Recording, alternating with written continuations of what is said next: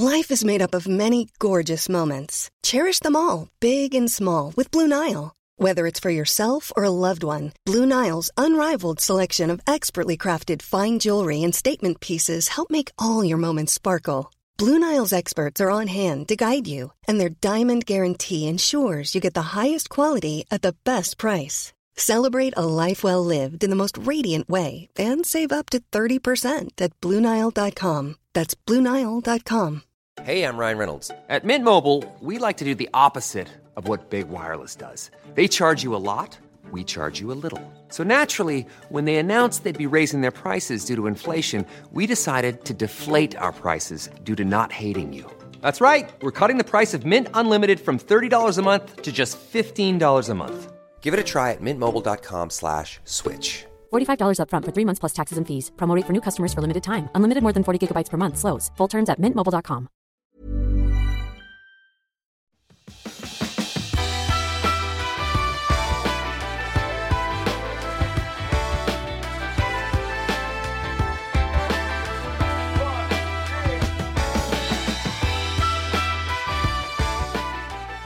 Hej och hjärtligt välkommen till Klimakteriepodden med mig Åsa Melin. Härligt stort lyssningstryck på sista tiden. Tack snälla! Missa inte att Klimakteriepodden finns både på Facebook och Instagram också. Och prenumerera på podden i din poddspelare så är du garanterat först när nya avsnitt släpps på onsdagar. En stor del av arbetet med upplysning, kunskapsspridande, acceptans och förståelse för klimakteriet måste göras ute i samhället och på arbetsplatser. Det räcker inte med att vi kvinnor själva börjar förstå hur och att klimakteriet har en stor påverkan på vårt fysiska och psykiska mående långt innan mensen slutar. Utöver arbetet med Klimakteriepodden så har jag också jobbat en del tillsammans med kommuner och företag med upplysning upplysning och kunskapsspridande. När det gäller att ta initiativ till den här typen av arbete så kan alla påverka, både i mindre sammanhang och i stora organisationer. Och glöm inte att du är en av nyckelspelarna, även om du bara talar om klimakteriet i den närmaste vänkretsen. Jag vet, alla vill inte höra talas om det, men trägen vinner. En som verkligen gör stor skillnad och kämpar med kunskapsspridandet så är det Monica Björn. Och eh, som du hör i det här avsnittet så nämns Monica i det viktiga arbete Partille gör. Och samma dag som jag var i Partille så träffade jag också Monica. Och vi talade om var vi står personligen, var i samhället som eh, vi fortfarande behöver kämpa på, hur och vad vi kan förvänta oss framåt när det gäller klimakteriet och kunskapen kring den här viktiga fasen. Hör mer om våra spaningar i nästa avsnitt. Vi gjorde en gemensam spaning för tre år sedan och det kan du höra i avsnitt 164. Det är spännande att höra hur det skiljer sig från igår och nu så att säga. Det är föga förvånande också så att vi inte riktigt ser allt på samma sätt. Lena Rinner är distriktssköterska och nämns i det här samtalet med Kristina och Marit på Partille kommun. Hon var med i avsnitt 194. Så nu ska du alltså få lite mer inblick i hur man kan lägga upp upplysningsarbetet på en arbetsplats. Vad som har varit lätt, svårt och eh, otippade konsekvenser. Så välkommen att lyssna!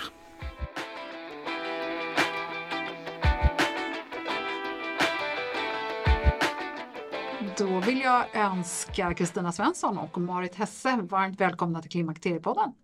Tack! Och då sitter jag hos er, så det är kanske jag som är välkommen till er. Precis.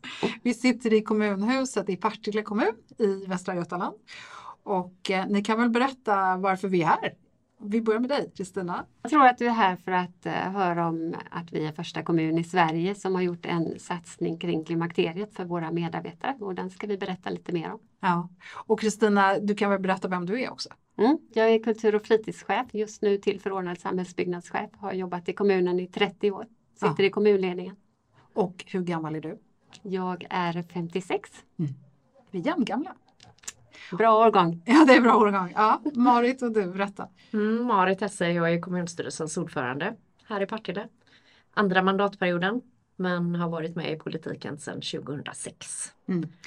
Och för ordningens skull kan vi också berätta att du är moderat politiker Ja, och att i Partille kommun så finns, har vi då, eller har ni ett borgerligt styre? Ja, det stämmer och det är sjunde mandatperioden nu med en moderat KSO, Ja. varav min andra. Ja. Och jag är 53 år. Där ser man, härligt. Det är bra att vi har två kvinnor som är lite införstådda med eh, den här poddens huvudämnen, det vill säga klimakteriet. Och jag är ju lite nyfiken då på Kristina, jag har ju eh, träffat på dig genom att du har eh, kanske lite otippat hamnat i rampljuset. Berätta. Ja.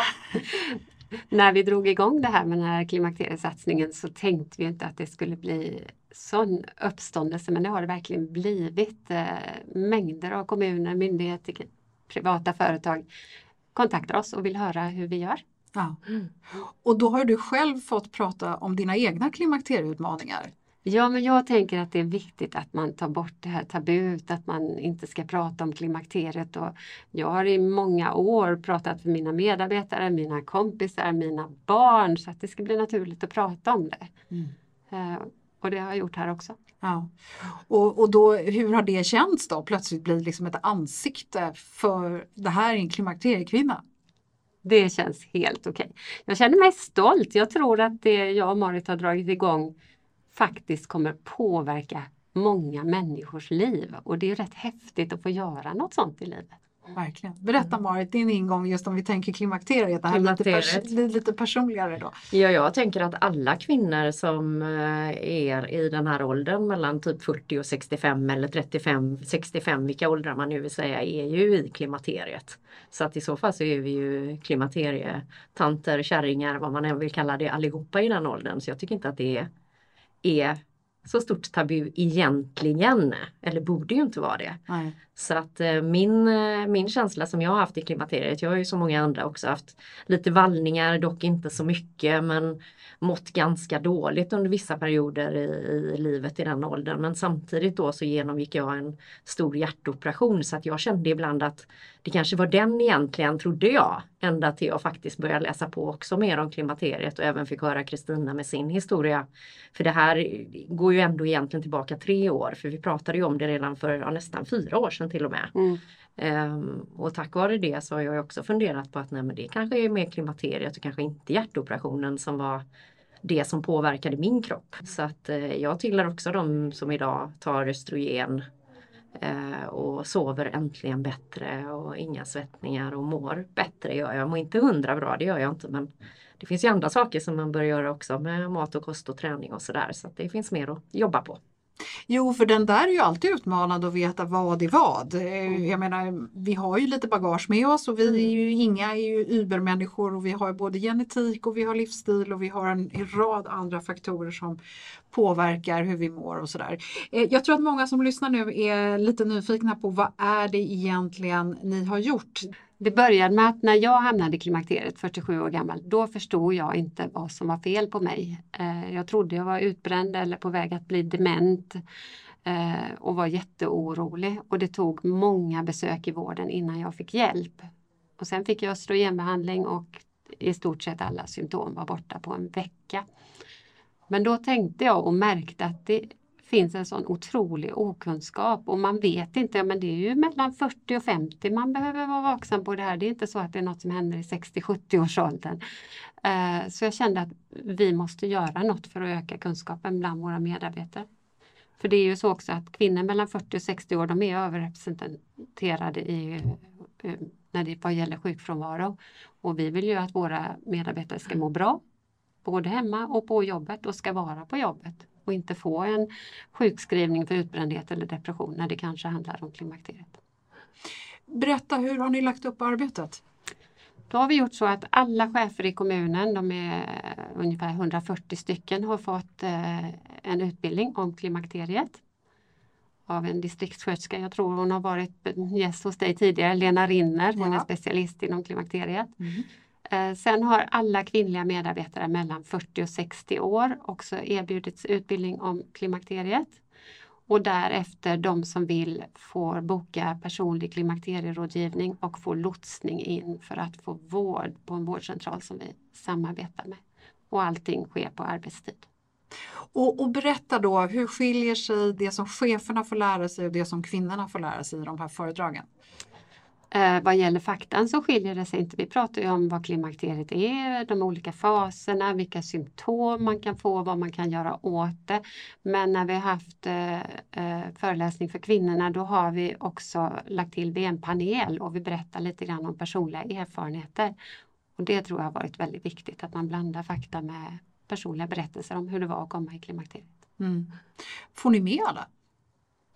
Ja, nu är det 700 kvinnor som har gått och det är ju i stort sett alla i den åldern. Så att, eh, mm. Och hur är reaktionen? Om vi börjar med cheferna, vad, vad, säger de? Cheferna tyckte det var intressant och spännande, både män och kvinnor och kände att de lärde sig mycket nytt. Men den stora reaktionen är ju från våra medarbetare. De är så otroligt stolta över att jobba i Partille kommun och jag blir stoppad i stort sett varje dag. De säger att det här är så häftigt och jag berättar för alla mina kompisar och de vill jobba i Partille kommun.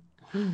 Och vad är det som de får då som de inte hade innan? Jag tycker det här är så, vi är så, alltså återigen då, jag tycker ju att det är otroligt att vi kvinnor kan så lite om oss mm, själva mm, och har så mm. svårt att lyfta den här frågan. Vad, vad, vad, är det liksom som man är så tacksam för och var, varför?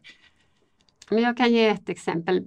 Bland annat så frågar vi när vi har den här storföreläsningen att kan ni som sitter här, ni som är jättestela på morgonen och har riktigt ont någonstans i kroppen, kan ni resa er upp? Och då reser sig hälften upp varje gång.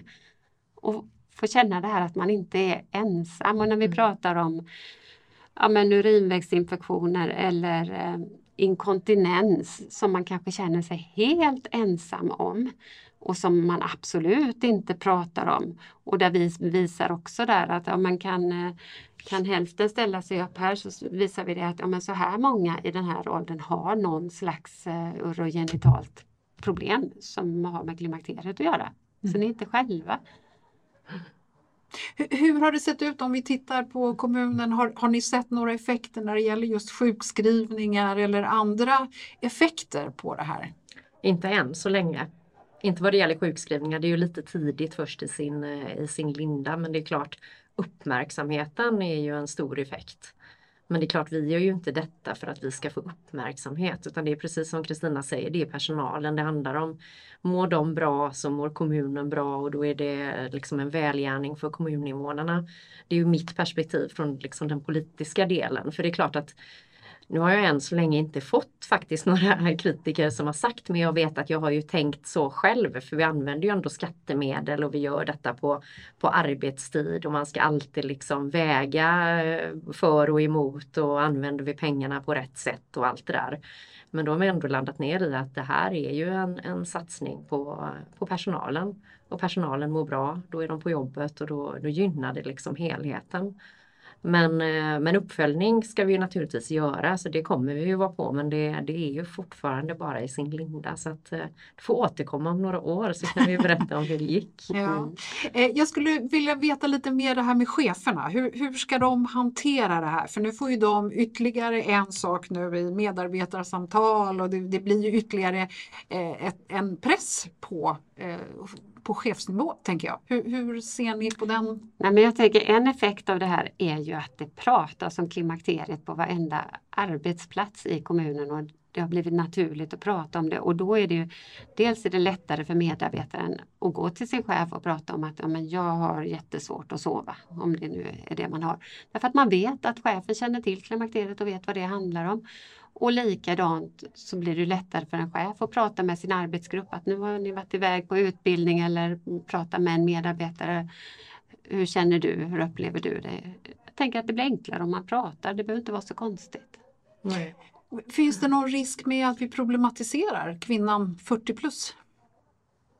Jag tänker inte att det är någon risk med det utan jag tänker vad det än gäller i livet att vi måste vara mer öppna och vi måste våga prata oavsett vad det handlar om. Mm. Och inte se det som ett problem för det är ju en naturlig del av livet. Mm. Egentligen ska vi inte ens behöva lyfta det. Men med tanke på att vi lever liksom i en, i en tid där uh, människor ska vara snygga, vackra, smala, perfekta. det är som att det där som händer i livet det finns inte och helst ska vi vara lyckliga hela tiden också men så är ju inte livet. Livet är ju massa olika faser och där är klimakteriet en fas. Så att eh, så visst, man, man får ju akta sig eh, i liksom det här att det får inte bli att det är en problemsak utan det är en naturlig del av livet men den behöver ha mer fokus. Vi behöver öka kunskapen, både som du sa själv, bland oss själva, men chefer, medarbetare, vården inte minst. Det är ju kunskapen. Alltså, jag brukar säga det, ta makten över klimakteriet, för det står makt i klimakteriet. Det är den vi ska ta. Mm. Sen tänker jag att i framtiden ska ju detta rulla. När mm. våra, nu har jag inte själv någon dotter då tyvärr, men en bonusdotter. När, när mina bonusbarnbarn, lilla Bianca blir vuxen, då ska det inte man behöva prata om det som klimakteriet utan det här, så här i livet, så här funkar det. När du är i den här åldern då kan du behöva det här stödet eller behöva tänka på det här. Mm. Precis som man får göra med alla andra faser i livet. Och vad kan ni erbjuda då? När kvinnan har så att säga eh, insett att hon är där och hon behöver hjälp och hon kanske till och med sträcker ut en hand till sin chef eller en kollega eller någonting. Vad kan ni erbjuda? Vad, vad gör ni? Då är ju det första att man får lov att träffa eh, en distriktssköterska specialist på klimakteriet på den här personliga rådgivningen och få hjälp med vad man kan göra. Vi har ju vi har egen verksamhet i kommunen, Partille Rehab, det finns ju andra fysioterapeuter och annat. Och vi har också en väg in för att få hjälp och få eh, hormonbehandling. Det är det viktigaste tycker jag som vi kan hjälpa till med. Och den, det stödet, det har ni nog etablerat i förhållande till den här kursen och jag vet ju då att Lena Rinner även är, i, har varit eh, högst tongivande så att jag litar fullt ut på att det är väldigt bra stöd. Mm. Men det finns ju en begränsning i vad hon kan göra. Det, det måste ju involvera flera ingångar i vården så att säga på sikt. Det behövs ju gynekologer, det räcker inte med en distriktssköterska. Hur, hur kvalitetssäkrar man dit ni slussar eller erbjuder mm. alla de här upplysta kvinnorna att ta vägen? Mm. Det var det allra svåraste för om kommuner och andra lyssnar och man vill göra det här. Att utbilda sina chefer och medarbetare det är ju egentligen inget svårt. Upphandla någon som är duktig på att prata om klimakteriet. Det är den lätta biten, det kan alla göra. Men att sen hitta någon som kan ge personlig klimakterierådgivning borde finnas, att företagshälsovården gjorde detta men de har ju inte det. Vi måste bli bättre på att kräva att det finns hos företagshälsovården när vi upphandlar det. Så det var jättesvårt sista ledet framförallt att hitta någon vårdcentral att samarbeta med. Jag träffade någon på en vårdcentral som sa men en friskvårdssatsning, det hinner inte vi med. Vi måste ta hand om de som är sjuka. Men det jag tänker är att de får ju ändå de här patienterna för de kommer och söker för att de inte mår bra, känner sig deprimerade, har värk eller är stressade, kan inte sova, tror att det är utbrändhet. Så det var riktigt, riktigt svårt. Jag jobbade i ett år på att hitta någon som ville vara med och samarbeta med oss. Och det blev doktor.se har en liten vårdcentral här i Partille. Och då var det en framåt bra verksamhetschef där som sa men vi är intresserade, vi vill vara med. Mm. Modigt, bra. Mm. Mm. mm. Så där har vi tyvärr ingen mall eller quick fix eller något som någon annan kommun kan ta över utan det handlar om att det här måste ligga på företagshälsovården. Det måste vara så att vårdcentralerna är utbildade på klimakteriet och ställer den frågan. Mm. Och i sig är det ju märkligt att inte företagshälsovården med tanke på att just om man tittar på både kommuner och eh, regioner så är det väldigt mycket kvinnor som jobbar i de verksamheterna. Mm. Det är konstigt att man inte vill stötta upp med den delen. Så här, det är ett underbetyg för dem. Mm. Så det, där ska vi trycka på. Ja, för vad har de sagt som eh, inte ville stötta dig i det här? Det, det, jag tänker här kom det, ja, ni har 4500 anställda i kommunen och jag misstänker att ni som alla andra kommuner har minst 70 eh, kvinnor, kanske ännu mer. Mm. Så det är ju ett kundunderlag som är helt mm. fantastiskt. Mm. Jag, hade hugg, jag hade startat vårdcentral mm. direkt i Partille om jag ja. hade den möjligheten. Ja, nej, jag vet inte varför. De svarade bara att nej, det är inget vi har att erbjuda. Mm. För att här har vi, tror jag, kärnan. När mm. kvinnan väl är upplyst och man väl har förstått att man behöver hjälp så får man inte hjälpen. Nej. Det finns mm. den plötsligt inte. Och, och, och vad, vad blir resultatet då? Fast jag tror att desto fler kvinnor som, som vet och trycker på så är det ju om man nu får prata marknad då. Marknaden funkar ju alltid så att finns det ett behov så kommer marknaden stötta upp med det och det kommer marknaden göra så småningom. Men det kommer ta tid tror jag. Mm. Jag tror att vi är i den, eh, jag menar det ser vi också nu. eh, Nu pratar man ju jättemycket om det här med alla läkemedel som är slut överallt. Det finns inte ett plåster att uppbringa för den som vill ha plåster. Nu har man till och med gjort slut på all gel. Nu finns det ingen gel upp. Alltså det tar slut. Jag tror att det är Nu pratar vi Ja. varit om östrogen. östrogen Mm, just Som som, äh, rest som som kan vara ett alternativ som Ja. be- definitivt inte behöver vara alternativet för alla men kan vara det. Och det tror jag också handlar om att trycket ökar. Och det kommer bli så på vården också. Jag menar nu har man ju sagt att vårdcentralen ska vara eh, ja, första linjens vård och, och dörren in och då är det ju också dags att man steppar upp. Eh, nu har jag ju suttit både faktiskt i primärvården men även i en, i en sjukhusgrupp där jag blev uppringd ganska ofta faktiskt av kvinnor just i, i ja, mellan 30 och, och 50 år som ringde för de inte tyckte att de fick vård och det har jag tänkt på i efterhand att undra hur många av dem som det egentligen kanske var klimakteriet som var grejen i detta. Mm. Det var inte andra saker, de hade behövt få hjälp med det. Men det slutar alltid med att, men lilla vännen du är nog lite deprimerad.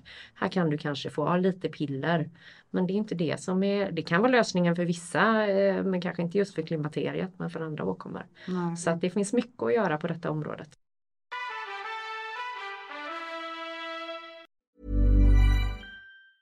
Say hello to a new era of mental health care. Cerebral is here to help you achieve your mental wellness goals with professional therapy and medication management support. 100% online. You'll experience the all new Cerebral Way, an innovative approach to mental wellness designed around you. You'll get a personalized treatment plan from a therapist, prescriber, or both in a safe and judgment free space. Your cerebral therapist or prescriber will outline a customized plan with clear milestones along the way so you can get to feeling your best. With Cerebral, you're not alone in your mental health journey. We're here to empower you to live a fulfilling life. So take that first step towards a brighter future and sign up today at cerebral.com slash podcast and use code ACAST to get 15% off your first month. Offer only valid on monthly plans. Other exclusions may apply. Offer ends July 31st, 2024. See site for details. Hey, I'm Ryan Reynolds. At Mint Mobile, we like to do the opposite of what Big Wireless does. They charge you a lot, we charge you a little. So naturally, when they announced they'd be raising their prices due to inflation, we decided to deflate our prices due to not hating you. That's right. We're cutting the price of Mint Unlimited from $30 a month to just $15 a month. Give it a try at mintmobile.com slash switch. $45 upfront for three months plus taxes and fees. Promo for new customers for limited time. Unlimited more than 40 gigabytes per month. Slows. Full terms at mintmobile.com. Det är härligt att klimakteriets tabu äntligen är på väg bort. Vill man försöka klara sig utan hormonbehandling så finns nu många nya kosttillskott som lovar bland annat hormonell balans och som ska stötta brister. Jag vill lyfta min räddare i nöden, Femarel. Det har inte bara varit min utan många andra kvinnors räddning i över 20 år. Och med lång tid på marknaden, med nöjda användare, dessutom med 20 forskningsstudier så vågar jag säga att det kan vara en god idé att prova Femarel. Femarel finns på apoteken och i hälsokostbutiker. Tack Femarel som varit min samarbetspartner i många år.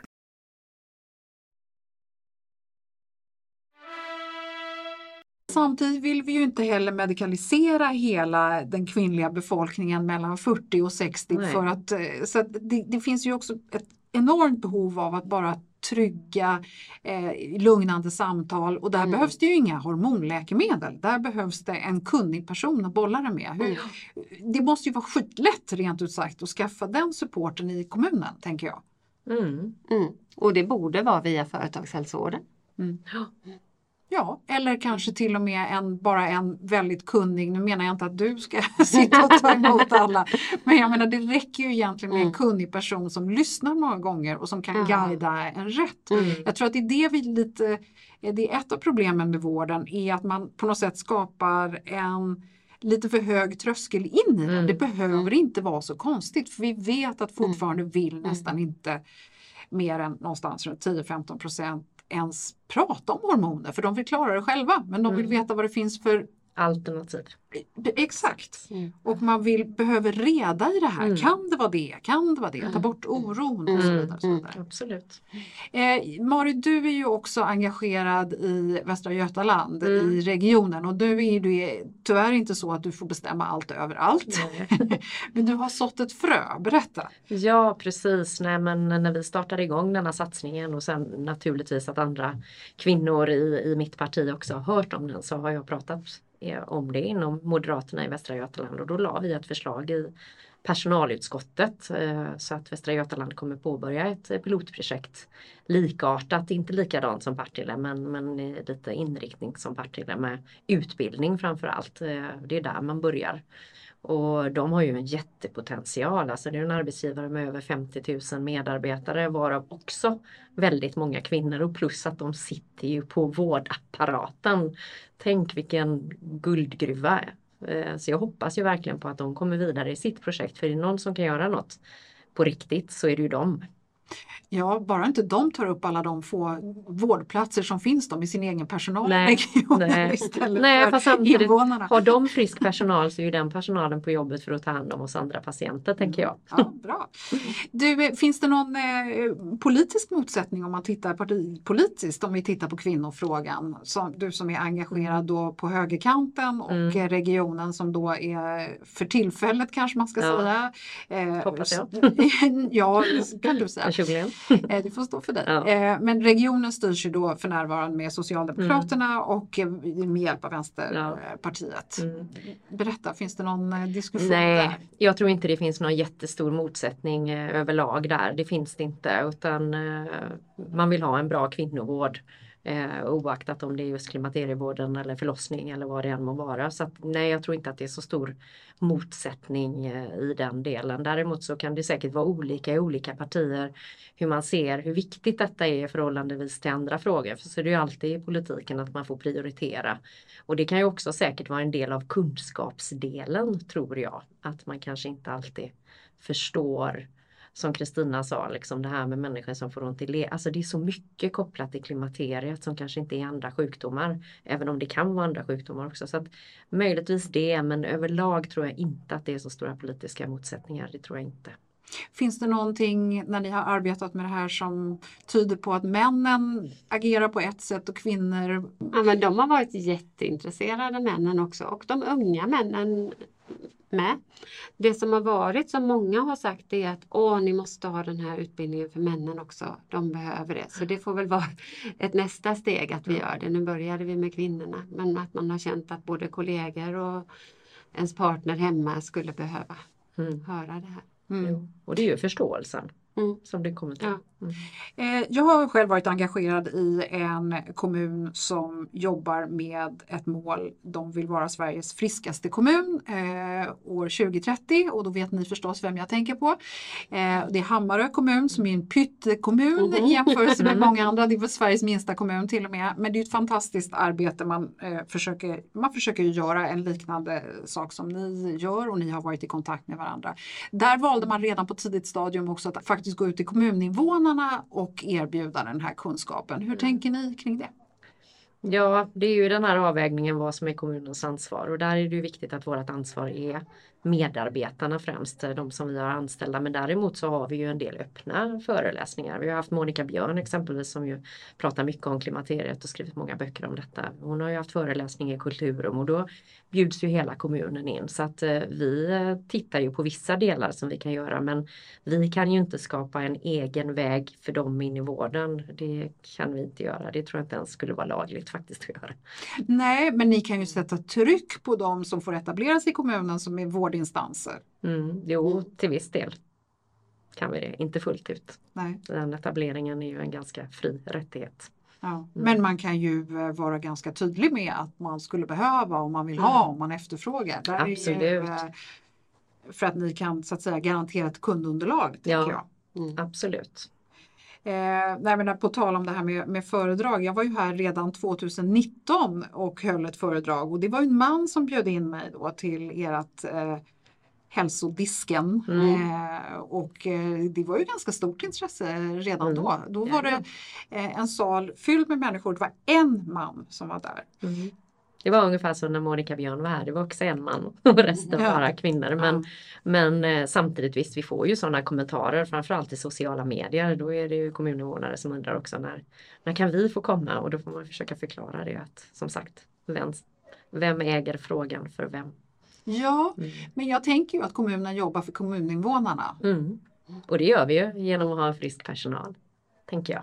Mm. Mm. Ja, och jag tycker som kommunboende med mina kommuns Ja. skattepengar så tänker jag att jag har rätt att få tillbaka någonting Mm. som ni vet är Bra. en eh, viktig hälsofaktor. Mm. Absolut. Så att det, det är ju svårt att dra den gränsen tänker jag. Ja det är det absolut. Men jag tror att just det här med öppna föreläsningar tror jag är ett bra, ett bra sätt. För det är ju som Kristina sa innan, det här, man vill ju bli sedd ihop med, med andra människor. Vi människor är ju flockdjur. Vi vill veta att det är inte bara jag som har det så här. Och då är öppna föreläsningar ett väldigt bra sätt. Mm. Du frågade innan om hur vi ska följa upp det här för att det är ju för tidigt att göra det nu men det är jättespännande.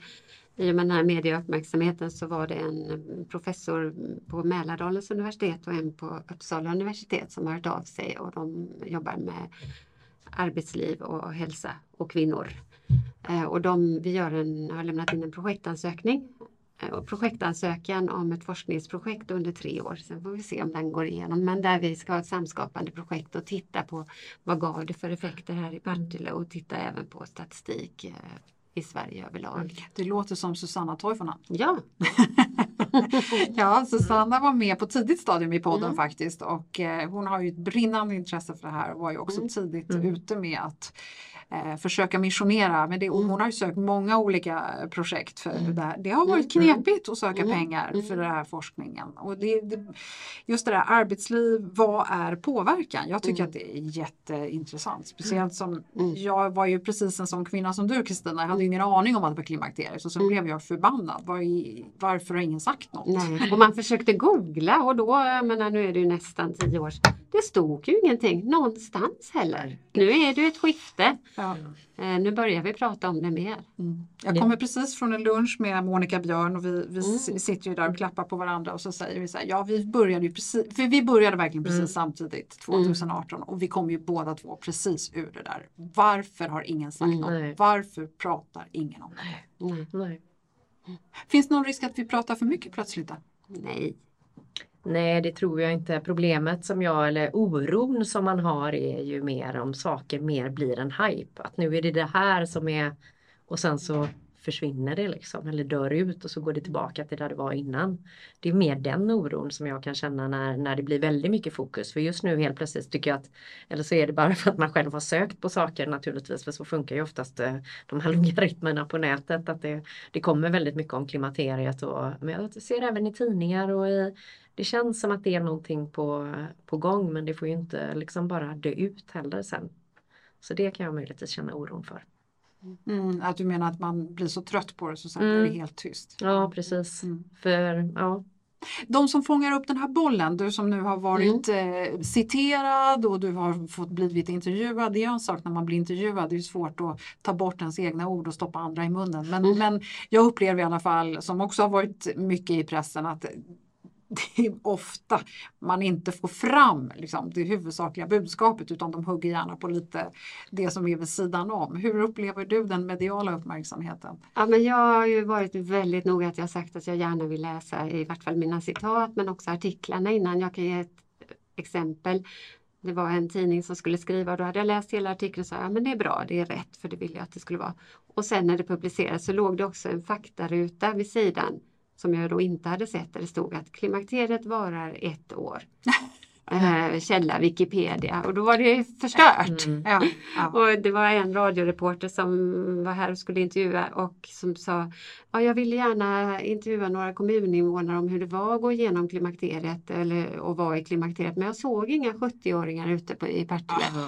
Så att det finns sån okunskap Mm. mm. så vi måste fortsätta Ja. att prata om det. Mm.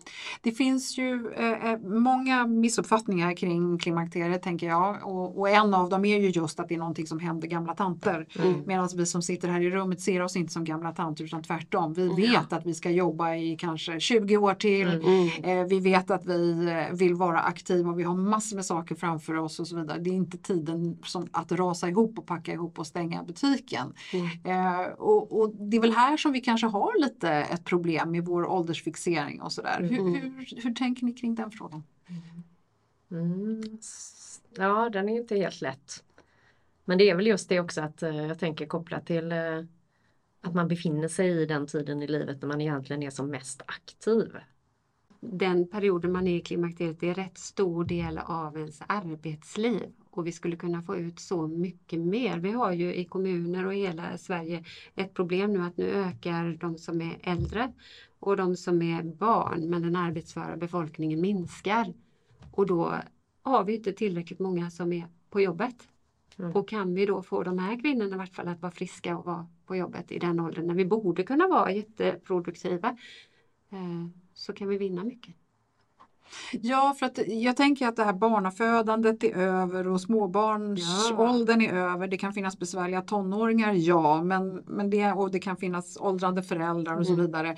Man har ju alltid utmaningar i livet, men, men det borde ju som sagt vara med den kunskap man mm. har lyckats samla på sig när man är eh, i, i alla fall i slutfasen av liksom 50-60. Det, det, är ju fantastiska år mm. tänker jag mm. och då mm. får man ju inte stänga mm. ihop. Liksom. Nej, men är det inte så att man befinner sig i den tiden i livet där man gärna tänker att man ska gasa lite extra? Bara för att barnen är större, för man tänker nu är det min tid. Mm. Nu är det jag, nu ska jag utvecklas och då kommer detta och det går inte alltid att matcha det så bra i det där gasandet för då kommer kanske stressen och pressen och så den dåliga sömnen och så klimakteriet och så vet man inte vad är vad i detta. Så att jag tänker att är man medveten om det så kanske man blir bättre på att rensa i den tiden i livet och förstå lite vad som är vad. Mm. Och fokusera på rätt saker och, och, jag menar många pratar ju om det här med good enough. Det är ju samma sak där att ibland måste saker kanske få vara good enough för vi kanske inte mäktar med mer. Och i det tror jag att det finns en fördel med att även männen är påkopplade och även barnen och att man har en förståelse för var man befinner sig i, i livet. Men nu hamnar vi ju lite grann i att det här låter ju mer som det man behöver i coachning. Ja, det också. Än snarare kunskap om hur, vad som händer med könshormonerna. Ja fast behöver det ena utesluta det andra, tänker jag. Mm, nej, det tänker nej, jag inte jag alls. Men jag tänker att man som kvinna behöver ju verkligen bli stärkt. Att jag förstår vad som händer i kroppen mm. är ju en sak. Mm. Men sen måste man ju också bli peppad och stöttad mm. i eh, mm. den här mentala biten, tänker jag. Det, det, är ju det Absolut. jag hör dig säga i alla fall. Jo, och då tänker jag att är vi tre medvetna så kan ju vi stötta varandra. Det behöver ju inte alltid vara en, en kommun eller vården eller utan det kan ju vara vänner eller ens partner eller vad det än mm. är som faktiskt kan stötta. Så att eh, ja, det är en stor palett som behövs. Ja, och mm. framförallt så gäller det ju där då att man inte någon ser ner på det för att oh, gud ska det snackas klimakteriet och skyllas mm. på det nu igen. För det är ju det som jag tycker är balansen här. Att det, för den okunniga är det så lätt att tänka då att aha, klimakteriet är ytterligare något vi ska mm. ta hänsyn till när det gäller kvinnor. Mm. Och det kan då så att säga ligga oss i fatet snarare än gagna oss. Mm. Jo, den, den risken finns ju om man nu väljer att se det på det sättet. Men jag tänker att det finns ju mycket annat som man pratar om den här tiden i livet. För man går ju, alltså problemet eller utmaningen är att man går igenom så mycket annat. Som du säger, man kanske har tonårsdöttrar, man kanske har föräldrar som går bort, man kanske helt plötsligt genomgår en skilsmässa med sin man och det finns ju så mycket och det är svårt att sålla i vad som är vad. Mm. Så att eh, just, eh, ja, man får akta sig så att inte klimakteriet blir ett skällsord för det ska det inte vara. Ja, det hoppas jag. Eh, vad, vad, är de, eh, de här effekterna då? De är lite svåra att se än så länge förutom mm. att ni upplever att man har varit väldigt positiv generellt på alla olika eh, mm. plan. Har ni någon uppfattning om hur många som har, av de här kvinnorna som har fått ta del av föredraget som har sökt vidare till vården? Ja, eh, när det gäller den här personliga klimakterierådgivningen så släppte vi 100 tider eh, i höstas här och 97 eh, av dem bokades upp. Nu har vi släppt 100 nya tider och de är snart fullbokade. Och skulle det behövas mer då släpper vi fler mm. tider. Så att jag tycker att det visar att det finns ett uppdämt behov av det här. Och sen de som då går vidare i det här samarbetet med vårdcentralen, där är det två unga kvinnliga läkare. Malin och Caroline heter de, som brinner för frågan och den ena läkaren kommer att göra en SD-rapport, eh, skriva just att vad har det gett för effekt för de som fick vård. Så att där kommer vi också kunna återkomma med resultat. Ja, men spännande. För det är ju viktigt tänker jag, för att nu är det ju en del kommuner som ligger i startgroparna och som känner sig fumla runt lite. Mm. Hur skulle man, eh, när ni har gjort det här arbetet så långt ni har gjort det nu, hur skulle ni råda att man bygger upp den här eh, klimakterieutbildningen eller upplysandet kring klimakteriet? Mm. Då råder jag till att eh, ja, men just att börja med föreläsningar. Att upphandla en duktig föreläsare. Det är det bästa att börja med och det är det enklaste. Sen tycker jag att man som kommun ska ställa krav när man upphandlar sin företagshälsovård nästa gång och få med det här. Mm. Jo, för är vi fler som gör det då kanske de mm. kommer erbjuda det framåt. Mm. mm. mm. Ja men jättebra. Mm. Hörrni, vad, vad mer behöver vi eh, få med här för att den som lyssnar både som kvinna och som eh, potentiell arbetsgivardrivare i den här frågan? Att man måste ha mod, tänker jag. Att ha modet och våga gå vidare med det. Och inte bara liksom se hindren och problemet. Och visst, eh, från mitt perspektiv just med tanke på, på kostnaden och, och, eh, och, skattemedel och så, att ändå se vad, vad är tanken att det ska bidra med i långa loppet. Alltså det här är ju ingenting, även om vi nu har fått väldigt mycket uppmärksamhet, så är det ju inte, det här är ju inget kortvarigt. Det här är ju någonting vi tänker vi ska på, hålla på med i många år. Och att verkligen hålla i och hålla ut och inte bara låta det vara den här flugan som att oj nu, nu springer vi alla åt detta hållet. Och nu ska vi alla göra det här och sen springer vi på nästa boll. Så att hålla i tror jag är viktigt. Mm. Mm. Samtidigt som jag har ju, jag tycker att det låter så svårt att tänka att det är sån enorm kostnad. Vårdbiten är ju en sak men ett föredrag är ju ingen kostnad Nej. tänker jag. Nej, absolut inte. Inte om man slår ut det på Absolut inte. Nej. Nej. Nej, och alla satsar ju på sin personal. Mm. Så att eh, vill man inte liksom lägga nya medel så kan man väl eh, omprioritera bland de man redan lägger. Mm, precis, mm. vad bra. I Tidöavtalet så har man ju varit ganska tydlig med att man vill satsa på eh, mm. kvinnan och kvinnohälsovård. Va, vad tror du att vi är på väg i stort? Ja, bara det att man nämner ordet klimakteriet ser jag som jättepositivt. Sen är ju hela Tidöavtalet är ju inte så detaljrikt så det är lite svårt att veta egentligen vad det kommer innebära. Men jag tänker bara, bara att man säger att man ska satsa på, på klimakterievården. Det är positivt så att jag, jag hoppas ju verkligen att de kanske lyssnar på oss, vem vet? Mm. Och får med sig goda exempel. Jag har ju pratat för mina, för Moderaterna när vi hade Sverigemöte här för, för ett år sedan och berättat lite om den satsningen eh, vi gör. Och då kom det fram eh, både kvinnor och män eh, efteråt och framförallt eh, en eh, person som kom fram som sitter i riksdagen sa det att det här var ju det bästa han hade hört på länge. Äntligen någon som är lite innovativ och vågar vara lite modig. Det här var ju någonting nytt. Det har jag aldrig hört någonting om innan. Gud vad bra, sa han. Fortsätt med det. Så jag tänker att där har man kanske förhoppningsvis planterat ett, ett frö också som kan bidra till Ja, för vi behöver ju också förändra vårdsidan. Det är ju den ja, som just nu stoppar upp väldigt mycket. Det är otroligt mycket frustration mm. ute bland mm. eh, patienter eller potentiella patienter ja. eller kvinnor mm. generellt som har sett ljuset, fått informationen mm. men sen inte kommer vidare. Mm. Men det saknas ju också, det är ju som i många verksamheter i Sverige nu att vi saknar eh, kompetens helt enkelt. Det finns inte personal.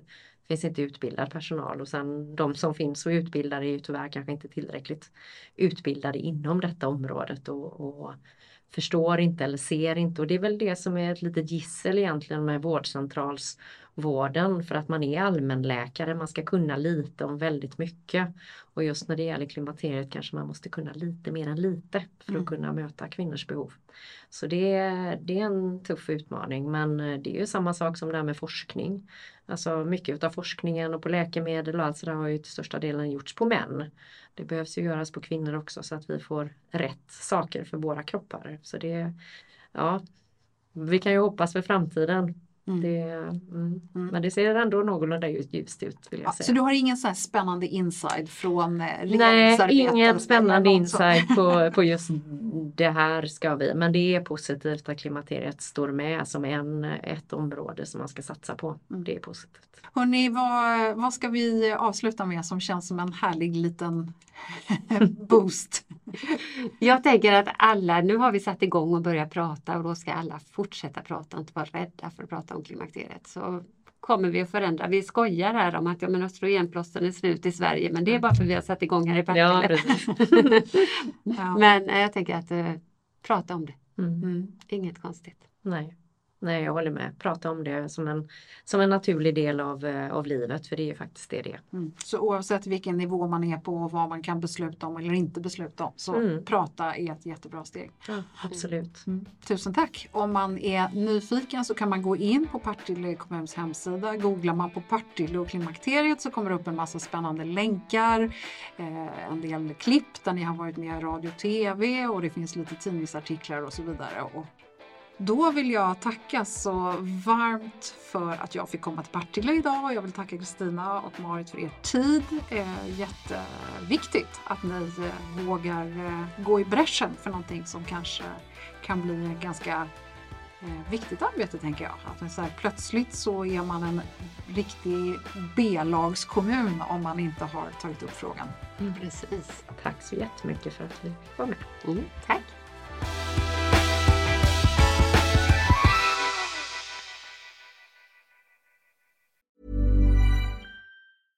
This message comes from BOF sponsor eBay. You'll know real when you get it. It'll say eBay Authenticity Guarantee. And you'll feel it. Maybe it's a head turning handbag, a watch that says it all, jewelry that makes you look like the gem, or sneakers and streetwear so fresh every step feels fly. eBay gets it. So look for the blue check mark next to that thing you love and be confident that every inch, stitch, sole, and logo is checked by experts. With eBay Authenticity Guarantee, you can trust that feeling of real is always in reach. Ensure your next purchase is the real deal. Visit eBay.com for terms. Hi, I'm Kara Berry, host of Everyone's Business But Mine, and I am an all inclusive addict. Enter Club Med, the best all inclusive for you and your family. With resorts worldwide, from their family flagship resort, Club Med Punta Cana, to their only mountain resort in Canada, Club Med Quebec, they have everything you need to relax. With their 20 plus sports activities, wellness programs, you can dine on delicious cuisine and make memories with your family. So book your next getaway with Club Med. Visit clubmed.us or call 1 800 Club Med or your travel advisor.